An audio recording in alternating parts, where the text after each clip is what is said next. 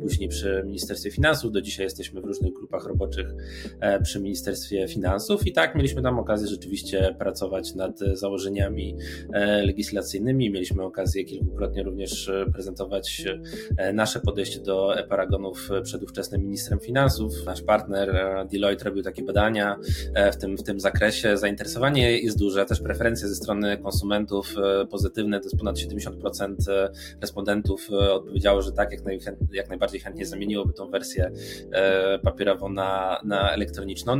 Mocny numer dwa i tu chyba warto powiedzieć, że z paragonów fiskalnych może korzystać każdy podatnik. No jeżeli jest potrzebne takie wsparcie czysto techniczne, wdrożeniowe, to również mamy taką możliwość, żeby ktoś zwłaszcza partnerów, którzy e, no niekoniecznie na co dzień technicznie sami obsługują swoje sklepy internetowe, e, to też mamy możliwość e, takiego wsparcia już czysto wdrożeniowego, technicznego, gdzieś po prostu wdrożeniowiec pomoże to taką wtyczkę skonfigurować, uruchomić. Bardzo duża część, prawie połowa projektów, które mamy wdrożeniowych, zwłaszcza z większymi podmiotami, to są jednak sytuacje, w których partner ma całkowicie customowe rozwiązania po swojej stronie. No i dla takich sytuacji mamy oczywiście możliwość bezpośredniej integracji.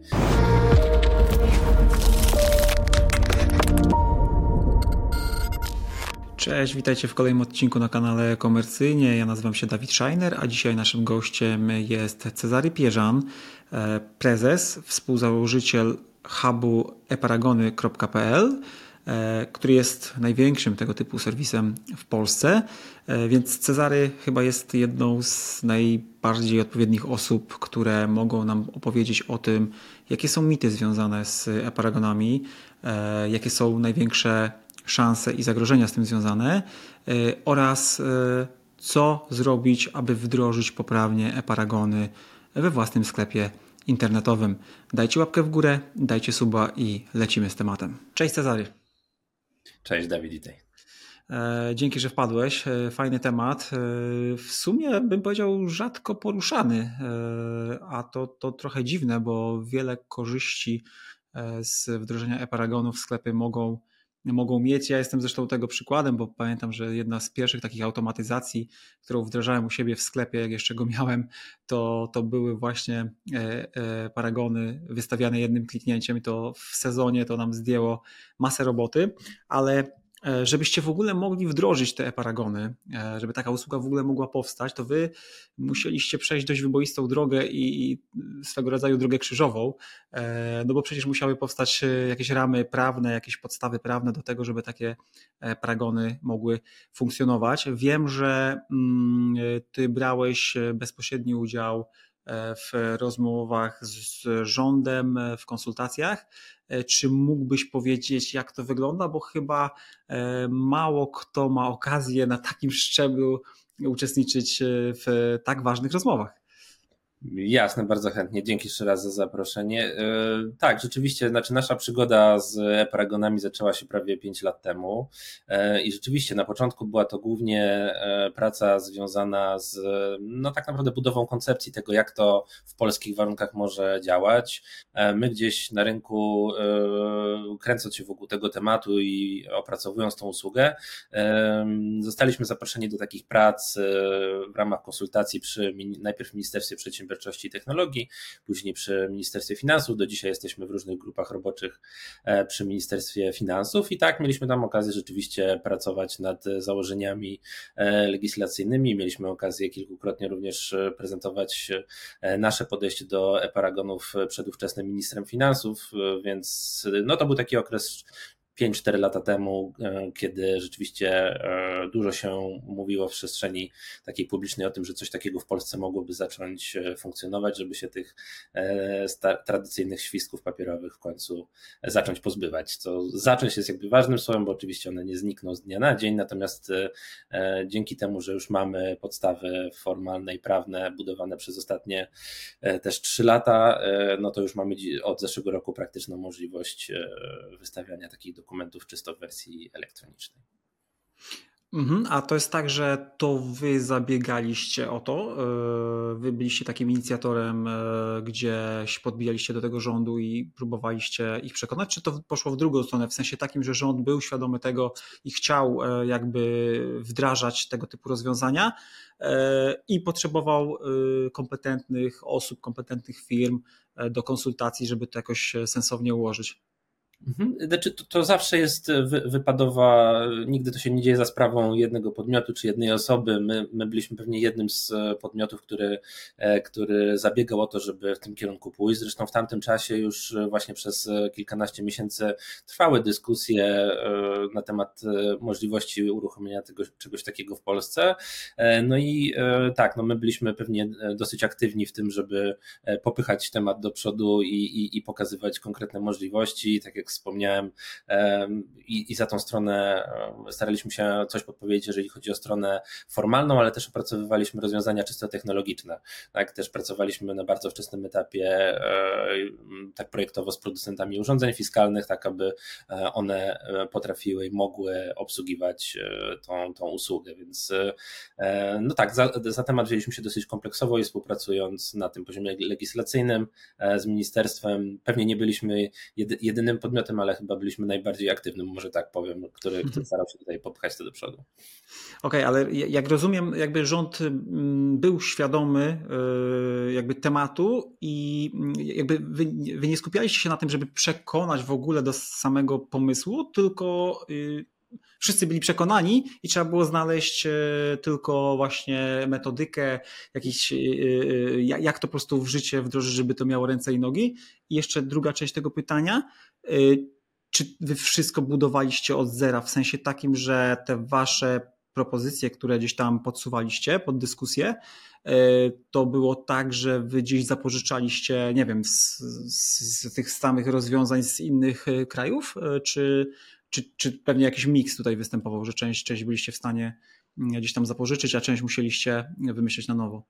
Y, wiesz co, to znaczy mm, rzeczywiście, zacznę od tej drugiej części może y, temat jest o tyle specyficzny, jakby tutaj ma taką charakterystykę naszą lokalną, że właściwie od takiej strony czy technologicznej, czy bardzo już praktycznych rozwiązań trzeba było to i tak opracować od zera, tak? Jakby oczywiście temat e, nie jest, nie występuje tylko w Polsce, bo już od lat e, podobne rozwiązania funkcjonują w innych krajach e, i Europy Środkowej, i Zachodniej, i w Australii, także temat, tak, nie, nie jesteśmy tutaj, jeżeli chodzi o polski rynek, zupełnie pionierami w tym, w tym temacie, natomiast też ministerstwo widząc widząc, że, że są takie trendy i w Europie, i, na świecie też ten temat w związku z tym e, e, właśnie te kilka lat temu chętnie, chętnie podejmowało, no i należało rzeczywiście wypracować po prostu szczegóły na temat tego, jak to może w Polsce funkcjonować. I od tej strony przepisów polskich, tak, w szczególności e, właśnie ustawy VAT i właściwych rozporządzeń, natomiast jeżeli chodzi już o czystą stronę technologiczną, taką, no to tak, to była taka budowa zupełnie od zera przez no, ostatnie tam E, powiedzmy 3 lata, czyli właśnie ten okres 20, końcówka 20 do, do 22. Krótka przerwa. Dzięki za Twój czas, dzięki, że oglądasz, słuchasz naszych materiałów. Bardzo potrzebujemy się rozwijać, a do tego niezbędne są lajki, suby, serduszka i wszelkie inne komentarze. Zrób to proszę, jeżeli doceniasz naszą twórczość. My odwdzięczymy się kolejną dawką materiałów. Dzięki, wracamy do tematu. Mhm. Ja sobie gdzieś zapisałem, e, gdzieś tam z, z, mojego researchu wynika, może mnie wyprowadzić z błędu, że gdzieś w 2020 czy weszła ta ustawa e, i wtedy z tego co e, wiem zaczęliście pracę nad repozytorium tych e-paragonów.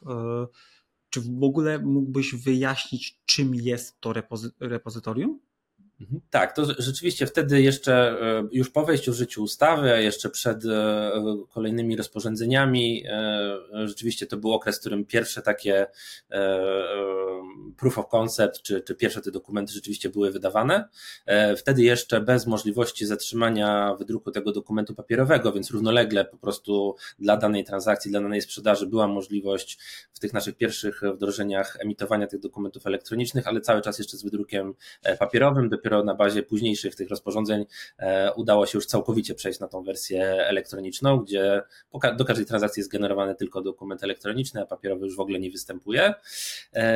To, to mm, taka była tutaj ścieżka, więc na początku to było, były oba typy dokumentów, a dopiero później e, już tylko wersja elektroniczna.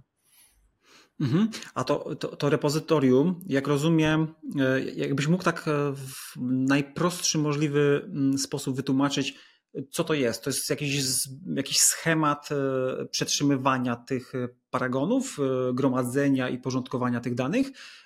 Dobrze to rozumiem? Tak, to jest in, infrastruktura e, taka serwerowa, e, teraz no, popularna już nie, nie, od, od, wielu lat, chmurowa, tak? My współpracujemy w tym zakresie z Microsoftem, e, w który zapewnia bezpieczeństwo tych danych, ich odpowiednią redundancję, czyli zabezpieczenie też w kilku lokalizacjach. To jest infrastruktura, która pozwala nam przechowywać te dokumenty elektroniczne, zarówno dla kupującego, tak, żeby, żebyś ty jako klient kupujący miał możliwość zawsze dostępu w czasie rzeczywistym rzeczywistym do tych dokumentów, no i też e, wgląd ma e, do nich oczywiście wystawca, czyli sprzedawca, który z e, naszą pomocą te dokumenty elektroniczne wystawia klientom. Mhm. Czyli z perspektywy mm, no, sprzedającego, czyli nazwijmy to właściciela takiego sklepu internetowego, no korzyści są, są, są wiadomo, a wiadome. Jak rozumiem, konsument dostaje ten paragon na maila, czy, czy on jest w apce, czy tu i tu? No i właśnie to zależy, bo tak jak sobie o tym pomyślimy, to e, forma papierowa jest dosyć oczywista, tak? Albo e, jest wręczana ręcznie, e, z ręki do ręki, albo jest w parce, jeżeli zrobimy jakieś zamówienie w, w handlu internetowym. Natomiast jeżeli chodzi o ten e-dokument, no to mamy do czynienia z czymś, co nie ma żadnej postaci fizycznej, materialnej. W związku z tym jedynym sposobem jest jakieś przekazanie, czy jakieś jego udostępnienie w kanale jakimś cyfrowym. I oczywiście, jeżeli chodzi chodzi o e, wdrożenia w e-commerce, no to najczęściej wykorzystywaną taką formułą jest rzeczywiście komunikacja mailowa, gdzie klient dostaje maila z dostępem do tego dokumentu, tak? I to jest chyba najbardziej naturalna.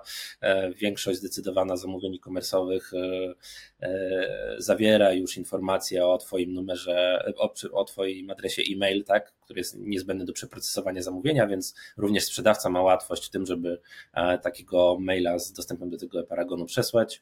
E, natomiast sam dokument może być udostępniony, bo o to też pytałeś, e, na bardzo różne sposoby. Mail jest jednym ze sposobów. Mamy partnerów, którzy również e, udostępniają wgląd do tych dokumentów w swoich aplikacjach mobilnych, więc jak najbardziej tutaj od tego, co zaplanuje e, sprzedawca, e, w jaki sposób chce swoim konsumentom ten dokument e, wystawić, udostępnić, to tak naprawdę tylko od niego zależy. Tak? To mogą być właśnie różne cyfrowe kanały dostępu, mail, aplikacja mobilna jest rzeczywiście jednym. To są takie dwa przykłady. Mhm. Z tego co wiem, to pierwszy pełnoprawny e-paragon został wystawiony w maju 2020, więc możemy to chyba uznać za taką symboliczną datę pewnej zmiany w, w całym e-commerce tak naprawdę, zresztą nie tylko. E, jak myślisz, jak to będzie teraz wyglądało? No bo mimo wszystko nadal to jeszcze jest e, dość mały rynek, w sensie takim, że no mało jednak e, sklepów korzysta z tego. Nie znam badań, może jakiś przytoszysz, jaki, jak, jaki procent rynku e, już obecnie jest, że tak powiem, w temacie, jest tym zainteresowany, albo ma to już zaimplementowane to rozwiązanie. Natomiast tak w takim codziennym życiu ja bardzo rzadko się spotykam, mimo że robię zakupy, często pytam też często znajomych i raczej, raczej dominują nadal te tradycyjne E, tradycyjne paragony. E, I teraz tak sobie myślę właśnie, jak, jak to będzie, nie? Czy to kiedyś będzie tak, że faktycznie wszystkie będą e, elektroniczne? Pewnie prędzej czy później tak, no ale jak wtedy taki konsument ma się w tym połapać? W sensie takim, że jak on będzie dostawał te wszystkie paragony na maila, to jak on je później, jak on je później znajdzie, bo, bo podejrzewam, że jak je będzie dostawał, to będzie je pierwsze co robił, to archiwizował albo usuwał te, tego maila. Jak je później odkopać. Jasne. To jest tak, my też e, robiliśmy swego czasu, czy nasz partner e, Deloitte robił takie badania e, w tym, w tym zakresie. Zainteresowanie jest duże, też preferencje ze strony konsumentów pozytywne, to jest ponad 70% respondentów odpowiedziało, że tak, jak, naj, jak najbardziej chętnie zamieniłoby tą wersję papierową na, na elektroniczną. Natomiast rzeczywiście temat funkcjonuje w praktyce, tak na rynku, bo o tym mówiłeś od końcówki zeszłego roku, więc oczywiście jesteśmy na takim początkowym pewnie etapie rozwoju tej usługi i udostępnienia e, jej i wykorzystania przez biznesy, e, więc e, pewnie chwilę jeszcze minie. Natomiast co do, co do tego, jak to może wyglądać w przyszłości, ja myślę, że trochę często powołuje się na taką analogię, jeżeli chodzi o rynek płatności. Też jesteśmy na gdzieś na takim etapie, gdzie udostępniamy konsumentom kolejne formy płatności, już nie mówię o zwykłych elektronicznych, czy tam jakichś portfelowych, ale czy płatności odroczonych i tak dalej, e, ale to nie, nie oznacza, że, że wyeliminowaliśmy gotówkę, czy że jesteśmy blisko takiego stanu, w którym w ogóle gotówkę wyeliminujemy.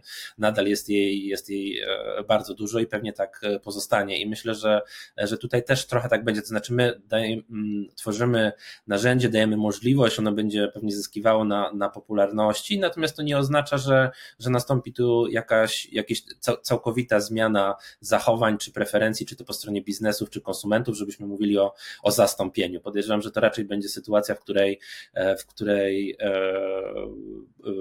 w pewnym momencie być może stanie się to równorzędny, ten udział może być porównywalny, tak, będzie to jedna, jedna z, metod, ale nie, nie, oczekiwałbym w jakimś krótkim terminie no, całkowitego zastąpienia. Myślę, że te dwie formuły będą sobie po prostu funkcjonowały równolegle, w zależności od tego, w jakiej formule i sprzeda sprzedawca taką funkcjonalność udostępni, no i czy konsument będzie chciał z niej skorzystać, tak, więc mówimy raczej o, czy, o sytuacji, w której dajemy możliwości zarówno biznesom, jak i konsumentom, żeby takie, e, żeby, żeby mieli wybór i mogli e, w taką stronę tego elektronicznego dokumentu e, pójść.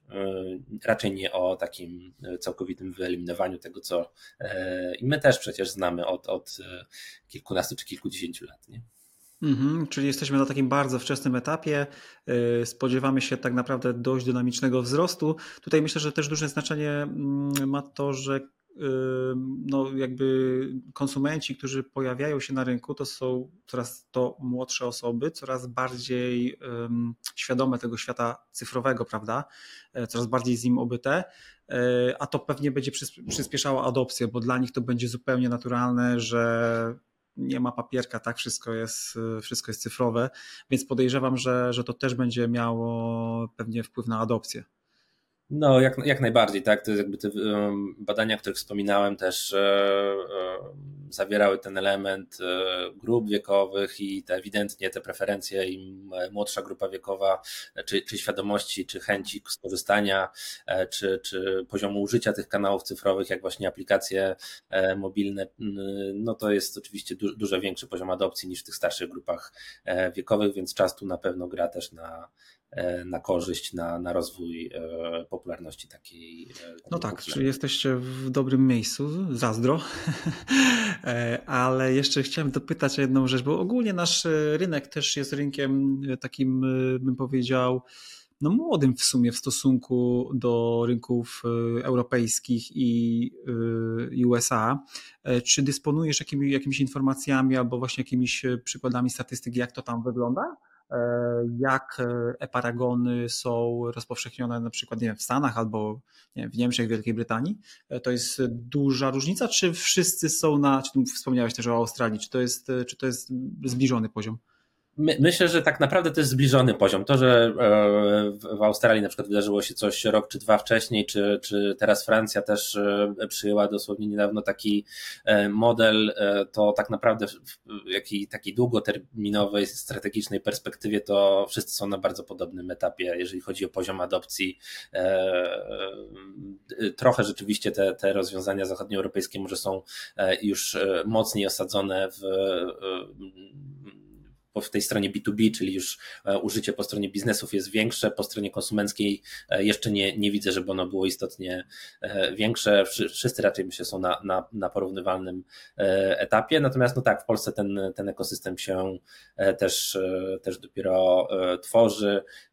Dziś, gdzie mamy już setki wdrożeń, jeżeli chodzi o kanał e-commerce, to tak naprawdę zaczynamy gdzieś dopiero wdrożenia w tym kanale handlu tradycyjnego, tak, czyli ty jako konsument fizycznie, jeżeli udajesz się do, do sklepu, no to możliwość wydania, otrzymania takiego paragonu właśnie, no to są, to są pierwsze, pierwsze projekty, mamy, tak, z jedną z sieci stacji paliw, takie projekty z jednym z partnerów z branży fashion, który też prowadząc kilkadziesiąt butików insterowych dla takiego modelu sprzedaży self-serwisowej też tą usługę paragonów wdraża, więc to są takie pierwsze, pierwsze projekty w handlu stacjonarnym. Rzeczywiście popularność w, w kanale e-commerce'owym jest no, dużo większa już od, od ponad roku, więc no tu e-commerce zawsze, zawsze był bardziej dynamiczny, zawsze bardziej otwarty na, na tego typu usprawnienia, miał większe możliwości, więc też dla nas naturalne było rozpoczęcie wdrożeń tej usługi właśnie w tym kanale e-commerce'owym. No tak. W zasadzie z perspektywy sklepu internetowego no to ciężko tu się doszukać jakichś wad takiego rozwiązania. E, zaraz może spróbujemy je znaleźć, ale jeżeli chodzi o korzyści, no to przede wszystkim automatyzacja, prawda? Bo bardzo szybko, bardzo łatwo można dostarczyć jednym kliknięciem e, te, te, te, te dokumenty. E, no, kwestie ekologiczne, które są chyba wszędzie też trendujące, prawda? I na zachodzie, i, i u nas, to też na pewno ma ma ogromne znaczenie, no ale też taka jakby użyteczność ze strony klienta, no bo e, taki paragon drukowany, no najczęściej co? E, I tak go gubimy. E, jak ktoś gdzieś archiwizuje, bo są takie osoby, starszej daty pewnie i mają porządek, to te paragony co, blakną, tak? One, one ta, ta, ta farba gdzieś tam z tego schodzi i, i mimo, że masz ten paragon, to to tak naprawdę e, pożytek z niego jest, jest średni.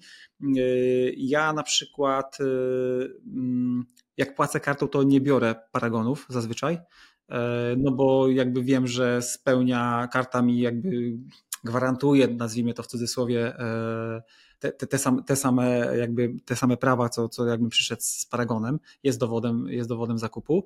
No ale jakby, jeżeli by mi się to zbierało w jednym miejscu, to fajnie by to byłoby mieć faktycznie w jednym miejscu, tym bardziej, że mm, widzę takie mm, potencjalnie zastosowanie, pewnie one już gdzieś tam e, kiełkują, że jeżeli zbierają mi się te paragony w jednym miejscu, to ja mogę podpiąć pod to jakąś analitykę, która mi kiedyś będzie pokazywać e, i liczyć, gdzie ja wydaję, co ja wydaję, na co wydaję, gdzie powinienem zaoszczędzić i tak dalej. Nie, nie wiem, czy to jest jakiś kierunek, który jest e, już gdzieś tam na topie, ale podejrzewam, że jest to kwestia czasu, jak takie rozwiązania się będą pojawiały. No właśnie, ale po, po, pomyślmy sobie, jakie są, nie wiem, czy ja pominąłem jeszcze jakieś takie duże zalety? Gdzieś coś byś jeszcze do, dorzucił do tego? Nie, znaczy ten, ten wątek konsumencki na pewno jest ciekawy i też w miarę rozwoju adopcji, tak żebyś ty jako Kowalski mógł e, po prostu w wielu miejscach mieć dostęp do tych e, dokumentów w wersji elektronicznej, to na pewno te funkcjonalności tak zwanego e, PFM, czyli właśnie możliwości analizowania swoich wydatków, to będziemy również rozwijać, natomiast żeby to miało użyteczność dla, dla użytkownika końcowego, dla konsumenta, no to tych dokumentów musi po prostu być e, e, stosunkowo dużo, e, jeżeli chodzi o miejsca, w których realizujemy zakupy. Natomiast zahaczyłeś też ten temat barier, bo rzeczywiście pewnie od strony korzyści dla e-commerce to mówimy i o automatyzacji, oszczędności, uszczupleniu tych procesów, znacznej redukcji urządzeń fiskalnych, jeżeli ktoś obsługuje więcej niż jedno, wyeliminowaniu błędów, zmniejszeniu czasu pracowników poświęcanych w ogóle na obsługę tego procesu, więc e, tutaj e, te elementy są dosyć oczywiste, natomiast e, to, z czym, nad czym my pracujemy, z czym wiemy, że się e-commerce też borykają, no to każdy każdy e-commerce stoi na, na wielu narzędziach. To jest jakby oczywiste. Tak? I teraz są oczywiście wyzwania związane z tym, jak do tego naszego staku, do, tego naszego, do tej naszej infrastruktury wpasować nie, nieinwazyjnie takie rozwiązanie, które obsłużyłoby te paragony. I w związku z tym to takie działania, które podjęliśmy już jakiś czas temu, polegały i nadal polegają na tym, aby przygotowywać gotowe integracje, gotowe moduły do narzędzi, z których sklepy e-commerce'owe korzystają, tak aby to wdrożenie polegało tak naprawdę na rejestracji, pobraniu jakiejś wtyczki czy modułu, skonfigurowaniu, uruchomieniu i, e, i to działa. E, nikt, czy mało kto E, zwłaszcza przy biznesach jakichś średnich czy mniejszych, może sobie e, pozwolić na prowadzenie jakichś projektów IT wdrożeniowych, które by trwały nie wiadomo ile czasu i kosztowały. W związku z tym e, nasza taka wizja i, i nasze działania zmierzają w tym kierunku, aby niezależnie od tego, z jakiej infrastruktury, z jakich narzędzi Twój sklep e-commerce'owy korzysta, platform, jakichś integratorów, systemów finansowo-księgowych, żebyś mógł odnaleźć swoją, swoją infrastrukturę u nas w spisie integracji i mógł uruchomić tą usługę po prostu jednego dnia, tak? Wtedy, kiedy e, po prostu stwierdzisz, że ona jest dla ciebie, e, przynosi, przynosi korzyści, możesz ją wdrożyć w swojej infrastrukturze, żeby było to operacyjnie po prostu proste i łatwe. Nie? I to, to, to jest istotne, bo, bo mm, to każdy e-commerce się zajmuje korem swojej, swojej sprzedaży. To są narzędzia wspierające, które powinny tylko ci ułatwiać tak naprawdę życie, działać sobie w tle, zdejmować z ciebie jakieś obowiązki, obniżyć ci koszty i takie, takie jest ich zadanie. Nie? Więc te, te integracje na różnych poziomach, właśnie platform sklepowych, systemów, jakiś ERP, e, to jest coś, co cały czas e, rozwijamy od miesięcy, e, pracujemy i wypuszczamy kolejne gotowe integracje do najpopularniejszych rozwiązań dla e-commerce.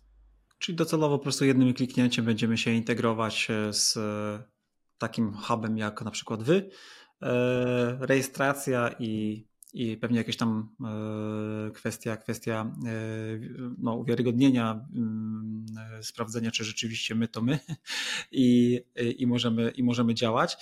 Ok, a mm, jakby jeżeli miałbym szukać takich jakichś kwestii, które powodują pewne wątpliwości, to czepiłbym się przechowywania danych. Jak rozumiem, w momencie, kiedy taki sklep internetowy decyduje się na współpracę choćby z, z Wami, no to te dane są do Was przekazywane. E, jak, jak, jak właśnie tutaj e, ma się to do kwestii RODO? Chociaż nie wiem, czy tutaj w ogóle ono wchodzi, no bo tam fizycznie nie, chyba nie, nie, nie, nie przekazujemy danych e, osobowych, tylko informacje o transakcjach, ale czy, czy te dane są bezpieczne? Mówiłeś o tym, że współpracujecie tutaj z Microsoftem i on też e, gdzieś tam o to bezpieczeństwo dba na pewno. Ale czy na przykład, jeżeli jestem że tak powiem, e, wątpliwie, e, wątpliwie e, wierzącym w dobre chęci rządu i nie chciałbym, żeby on miał informacje wszystkie, znaczy musi mieć akurat te, nie? no bo to jest kwestie, to są kwestie związane z, z rozliczeniami, które i tak musimy pokazać, ale czy, czy jest taka możliwość, że te dane wypłyną? No, pewnie, pewnie potencjalnie jest, ale jak to jest zabezpieczone? Czy ja mogę czuć się bezpiecznie? Teoretycznie oczywiście jest zawsze, bo to jest infrastruktura, więc, e, natomiast to, to, co mogę powiedzieć, to korzystamy właśnie z podobnej infrastruktury, podobnym poziomie bezpieczeństwa, jak, jak również korzysta chociażby Ministerstwo Finansów, które też z, z takiej infrastruktury, e, taką infrastrukturę wykorzystuje, więc on jest na, na pewno wystarczająco wysoki. Tu poruszyłeś kwestie, e, poruszyłeś też kwestie takie fundamentalne związane z e, przechowywaniem tych danych i, i, i ich bezpieczeństwem, no to jest jakby u zarania, czy jakby u, u, u fundamentów te, tej, tej usługi, to znaczy ona funkcjonuje w porozumieniu i na rzecz naszych partnerów. I e, z takim założeniem, e, żeśmy startowali, to dalej e, prowadzimy, to znaczy te dane transakcyjne są danymi partnerów i są na dokumencie, który oni i tak muszą zgodnie z polskim prawem wystawić i wydać kupującemu. I, i tylko do takich celów one są przechowywane i, i, i udostępniane stronom zainteresowanym, czyli właśnie sprzedającemu bądź, bądź kupującemu. Sam, samych danych osobowych, bo tu poruszyłeś też kwestię RODO na dokumentach fiskalnych e, nie ma, tak? To znaczy teoretycznie mogłyby, mogłyby wystąpić, e, jest taka, taka formuła też paragonów fiskalnych z NIP-em, tak zwanych faktur uproszczonych i wtedy rzeczywiście mogą się pojawić, no ale to na, jeżeli mamy taką relację, to oczywiście też mamy odpowiednie umowy powierzenia przetwarzania takich danych osobowych, jeżeli występują chociażby tego typu dokumenty, no i to regulujemy formalnie, tak odpowiednią umową z partnerem, jeżeli rzeczywiście te dane osobowe miałyby występować. Mhm. Okej, okay. a powiedz mi, mm, no mało jest w sumie edukacji w, w, tym temacie, e, tego typu e, wywiady, rozmowy, e, trochę informacji, które można zobaczyć u Was na, na stronie, ale w powszechnym takim mniemaniu y, moim y, no, nie, nie ma za dużo informacji na ten temat. Y, to pewnie, tak jak mówiliśmy, jesteśmy na początkowym etapie i, i będzie się zmieniało. Mm, jakie są Twoim zdaniem takie jakieś mity na, na największe w tym temacie tych paragonów, które są obecne w przestrzeni publicznej, a, a nie mają już zastosowania, bo już dawno zostały na przykład nie wiem, obalone, rozwiązane? Tak, znaczy e, e, pierwszym takim dosyć kuriozalnym to jest mit taki, że e-paragony nie funkcjonują. I mówię całkowicie poważnie, bardzo często zdarza nam się rozmawiając z klientami usłyszeć, jak to jest możliwe, że tutaj pokazujecie jakieś gotowe narzędzie, tu jakieś, e, e, jakichś innych partnerów, którzy już z tego narzędzia korzystają, a ja słyszałem od księgowej albo od kogoś innego jeszcze, że w ogóle czegoś takiego nie ma.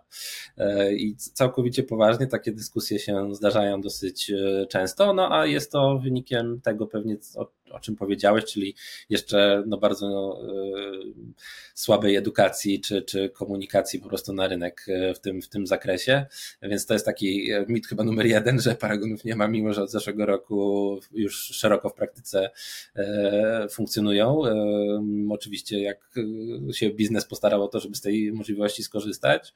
E, a drugi, pewnie równie popularny, też wynikający być może z nieprecyzyjnych informacji takich ogólnodostępnych w internecie, to wynika z tego, że jest taka percepcja, że być może to nie jest dla mnie, bo ja mam jakąś działalność, która polega na tym, czy na, na, na, na jakiejś czynności X bądź Y, albo handluję e, towarami X bądź Y i, i być może to nie jest dla mnie, więc to też jest taki mit e, mocny numer dwa i tu chyba warto powiedzieć, że z paragonów e, fiskalnych może korzystać każdy podatnik czy my handlujemy w internecie towarami z przeróżnych kategorii produktowych, czy my świadczymy usługi na odległość, czy e, e, realizujemy jakąkolwiek inną e, sprzedaż, tak, każdy może skorzystać z tej możliwości wystawiania tych paragonów w wersji elektronicznej. Nie jest to limitowane ani do zakresu Twojej działalności, ani do przedmiotu obrotu handlu, który realizujesz. E, więc e, tak, to, to te, często też nam się zdarza to, to tłumaczyć.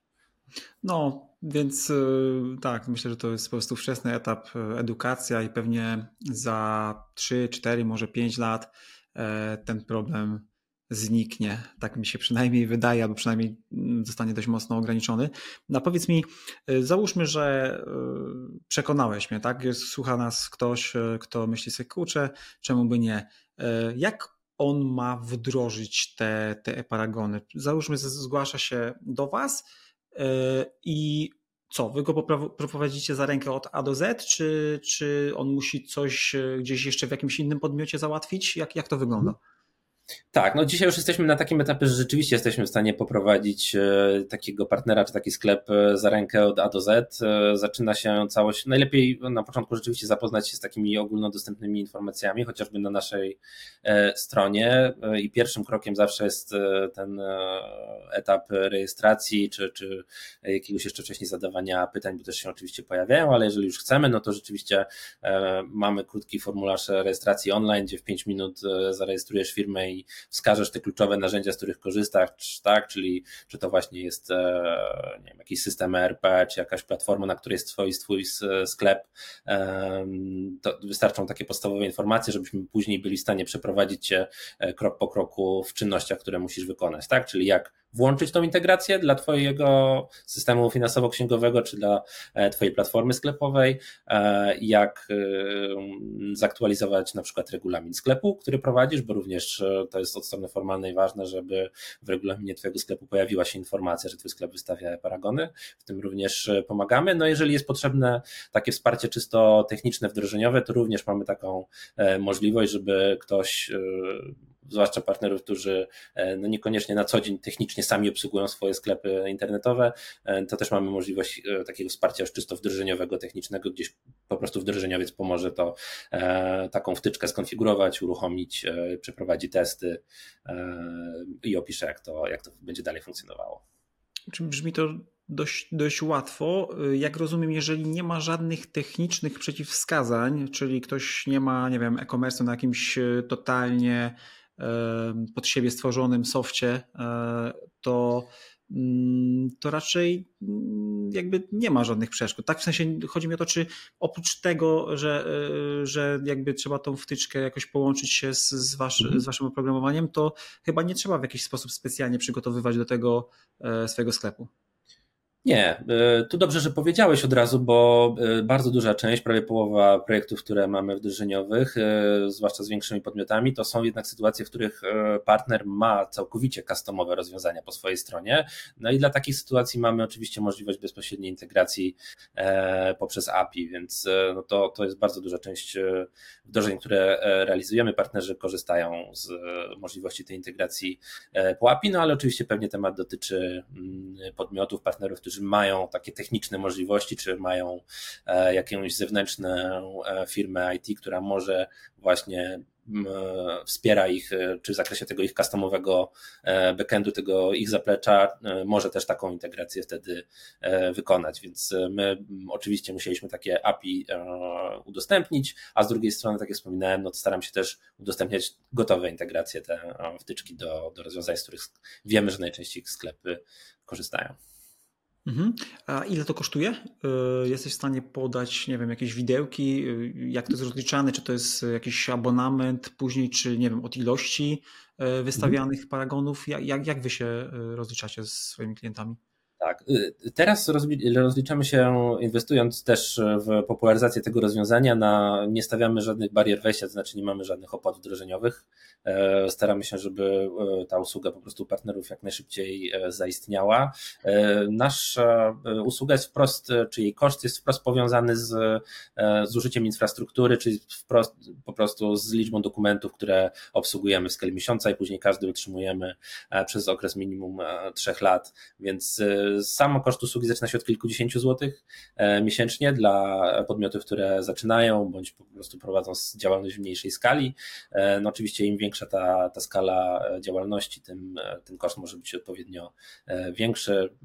Działamy też z podmiotami średnimi czy, czy dużymi na całkowicie też indywidualnych warunkach rozliczeń, więc to wszystko zależy po prostu od skali działalności, którą prowadzisz. Staraliśmy się dla natomiast szerokiego grona klientów e, i przygotowywać te e, gotowe integracje, jak i e, stworzyć tą usługę właśnie cenowo dostępną. Wydaje mi się, że na ten poziom kilkudziesięciu złotych jest akceptowalny właśnie dla takiej mniejszej skali mhm. A powiedz mi, mm, tak sobie pomyślałem, każda technologia, szczególnie na wczesnym etapie, ma tak zwane choroby wieku dziecięcego. Czyli jakieś rzeczy, których nie przewidzimy i gdzieś coś się wysypie.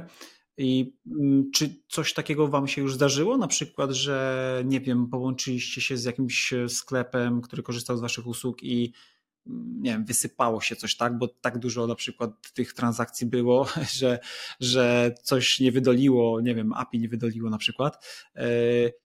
Po pierwsze, że właśnie, czy, czy zdarzają się takie sytuacje, yy, a jeżeli tak, to co w takiej sytuacji sklep może zrobić? Jak, jak się zachować? Mhm.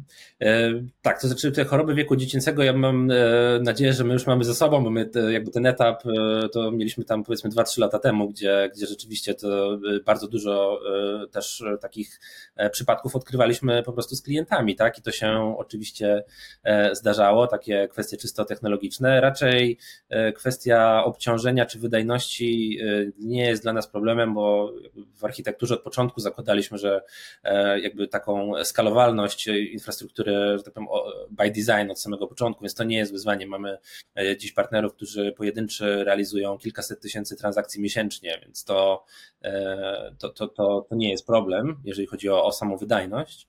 E, natomiast w obsłudze oczywiście, że zdarzają się sytuacje, mieliśmy partnerów, którzy zgłaszali, że usługa nie funkcjonuje, a potem się okazało, że ktoś wyrwał kabel od urządzenia fiskalnego, albo był jakiś problem z połączeniem sieciowym po stronie partnera. No, takie mm, e, problemy, jak w każdej infrastrukturze IT się e, czasem mogą zdarzyć, natomiast my też już od kilkunastu miesięcy rozbudowujemy system monitoringu i, i, i sprawdzania aktywności tej usługi i, i, najczęściej to partnerzy się od nas dowiadują, że coś się u nich wydarzyło, co spowodowało wstrzymanie tego procesu i wtedy oczywiście taka, taka komunikacja jest i od ręki i, i staramy się ten problem rozwiązać z partnerem no w 95% przypadków to jest e, jakieś wydarzenie jednostkowe po stronie partnera, e, które spowodowało, że z jakiegoś powodu usługa została wstrzymana. E, bo właśnie mechanizmy kontrolne spowodowały tak to, że, że, że proces stanął. Tak się, tak się czasami zdarza, e, no ale to są jednostkowe, jednostkowe przypadki.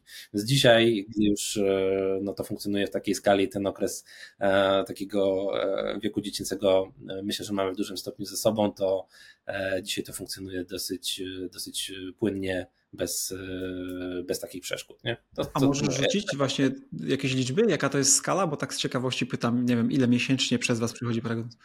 Co mogę e, powiedzieć, to chyba e, przez ostatnich 12 e, miesięcy nie mieliśmy sytuacji, w której byłby jakiś downtime, tak, czyli brak dostępności usługi po stronie partnerów. Mimo, że oczywiście to się teoretycznie może zdarzyć, są jakieś aktualizowane środowiska i tak dalej, to nie mieliśmy, nie mieliśmy takiej, takiej sytuacji globalnie. Tak jak mówię, to raczej były po, po stronie partnerów jakieś wyjątkowe zdarzenia. Natomiast tą druga część Twojego pytania, jeżeli chodzi o, o, o, skalę tych dokumentów, no to jakby w skali miesiąca to są wolumeny liczone już miliony. To być może to się wydaje dużo, w skali jakby gospodarki to, to jeszcze nie jest dużo. To, jest, e, to nie jest dużo jeszcze. E, dla nas to jest dużo oczywiście, bo stoi za tym kilka lat pracy i, i setki wdrożeń, natomiast to jeszcze jest znowu pewnie etap początkowy też liczymy, a, a macie to... wiedzę, ile jest średnio dziennie wystawianych takich tradycyjnych paragonów e, w gospodarce w Polsce? Są w ogóle jakieś takie informacje?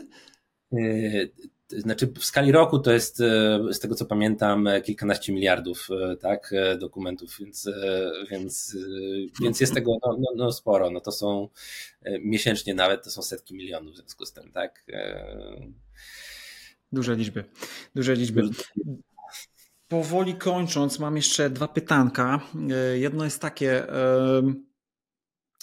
Czy, czy są jakieś błędy, z którymi się spotykacie jakby po stronie klientów, w sensie takim, że ktoś chce skorzystać z tego typu usług, chce wprowadzić taką funkcjonalność i popełniają ludzie jakieś błędy. Czy, czy, czy, czy jest coś takiego? No bo z tego, co powiedziałeś, to bariera wejścia wydaje mi się, że prawie nie istnieje, bo i finansowo to jest dość przystępne, w zasadzie pomijalne dla większości sklepów e, i technologicznie w sumie też, bo to jest po waszej stronie. Czy, czy, czy są jakieś błędy, które klienci popełniają? Tak, to, o tą dostępność technologiczną to nie mogę dzisiaj powiedzieć oczywiście, że mamy integrację ze wszystkimi narzędziami, z których korzystają sklepy, więc to cały czas rozwijamy, więc ta dostępność e, myślę, że już dzisiaj jest e, stosunkowo duża, ale może się zdarzyć, że specyficznie sklep na jakiejś platformie, czy korzystający rzeczywiście z jakiegoś narzędzia, no nie będziemy w stanie zapewnić mu już dziś takiej gotowej e, integracji. Błędy, o których wspominasz, mogą się wydarzyć po prostu na etapie konfiguracji, tak?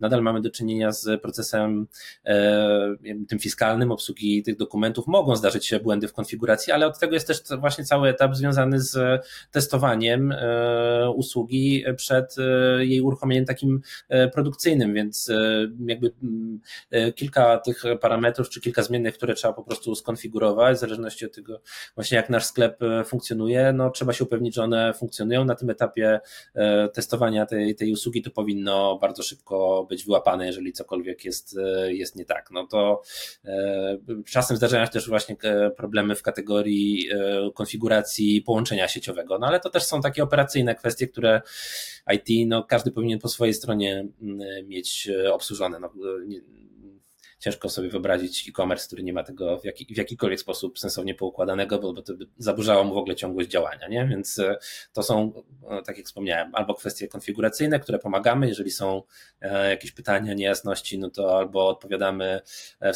z poziomu wsparcia technicznego, a jeżeli jest potrzeba więcej, no to również takiego czysto wdrożeniowego też mamy taką możliwość. No i, i tak, to chyba do tego to się sprowadza.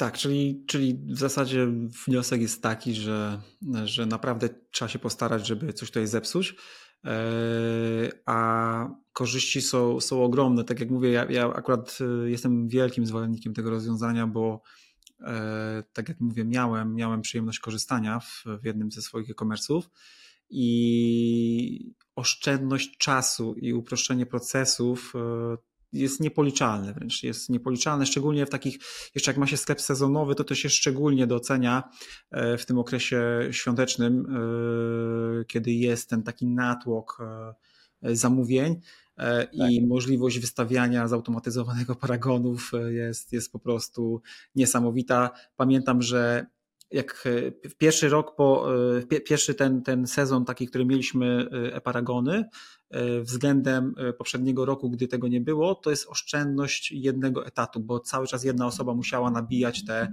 e, tradycyjne, wiesz, na kasie paragony, to była masakra, to była masakra, nie? A no tutaj no jednak to jest rozwiązanie, które, które znacząco pomaga. Dobra, no chyba na tym etapie wyczerpaliśmy temat. Ja jeszcze mam takie ogólne pytanko do Ciebie, bo no masz e, pogląd na, na całość rynku, e, współpracujecie z wieloma klientami i też pewnie masz jakieś informacje zwrotne od tego, jak, jak wygląda ogólnie kondycja e, w sektorze e-commerce, w, w, ogólnie w gospodarce. Dużo mówi się o kryzysie, o spowolnieniu. Niektórzy twierdzą, że jest, inni, że niekoniecznie. My, jak patrzymy na swoich klientów, to widzimy to, to spowolnienie, widzimy szczególnie w niektórych branżach. Jak ty patrzysz na swoich klientów, to Widzisz, czy nie bardzo? Y, tak, no właśnie to pytanie jest o tą definicję tego spowolnienia, bo oczywiście my się przyzwyczailiśmy na bazie ostatnich kwartałów do, do tych wysokich y, dynamik w różnych y, sektorach. Teraz jak obserwujemy zmniejszenie tej dynamiki wzrostu, to mówimy o spowolnieniu, a tak naprawdę to, to jest dalej wzrost, tylko często trochę wolniejszy niż był do tej pory, więc w tym, w tym sensie to, to rzeczywiście też, też obserwujemy. Natomiast tak, taki czerwiec był takim miesiącem, gdzie też trochę tych e, e, zamówień e, widzieliśmy mniej, ale już w lipcu z kolei mieliśmy ponad 10% wzrost miesiąc do miesiąca, więc jakby to gdzieś wraca do, swoje, do swojego poziomu. Ja, ja myślę, że jesteśmy, że przełamujemy się przez jakiś taki szczyt tego, tego spowolnienia i, i raczej patrzymy optymistycznie w takiej średnioterminowej perspektywie na, na, na ten rozwój dalej. Może on już nie będzie tak dynamiczny jak do, do tych w tych najlepszym okresie ostatnich kwartałów, czy, czy jeszcze poprzednich nich, e, ale e, raczej nie oczekujemy, żeby tu e, tak szeroko przez różne sektory moglibyśmy obserwować jakieś dalsze pogłębienia czy, czy wyhamowania. Raczej spodziewamy się albo stabilizacji, albo kontynuacji wzrostu w poszczególnych sektorach. Myślę, że jesteśmy, że, że już ta gorsza część w jakimś stopniu za nami. Tak mam, takie mam wrażenie. Tutaj e, wiele jakichś pewnie czynników makro, które moglibyśmy e, e, zahaczyć, ale tak, no wraz pewnie z, i z spadkiem tej no, naszej inflacji i w perspektywie obniżki stóp procentowych za ileś miesięcy czy, czy kwartałów, to myślę, że tu się rynek będzie odkręcał pomału w drugą stronę. Super, bardzo Ci dziękuję, a Wam, drodzy widzowie, również dajcie łapkę w górę, dajcie suba, i do następnego razu. Trzymajcie się. Cześć. Dzięki, Dawid. Cześć.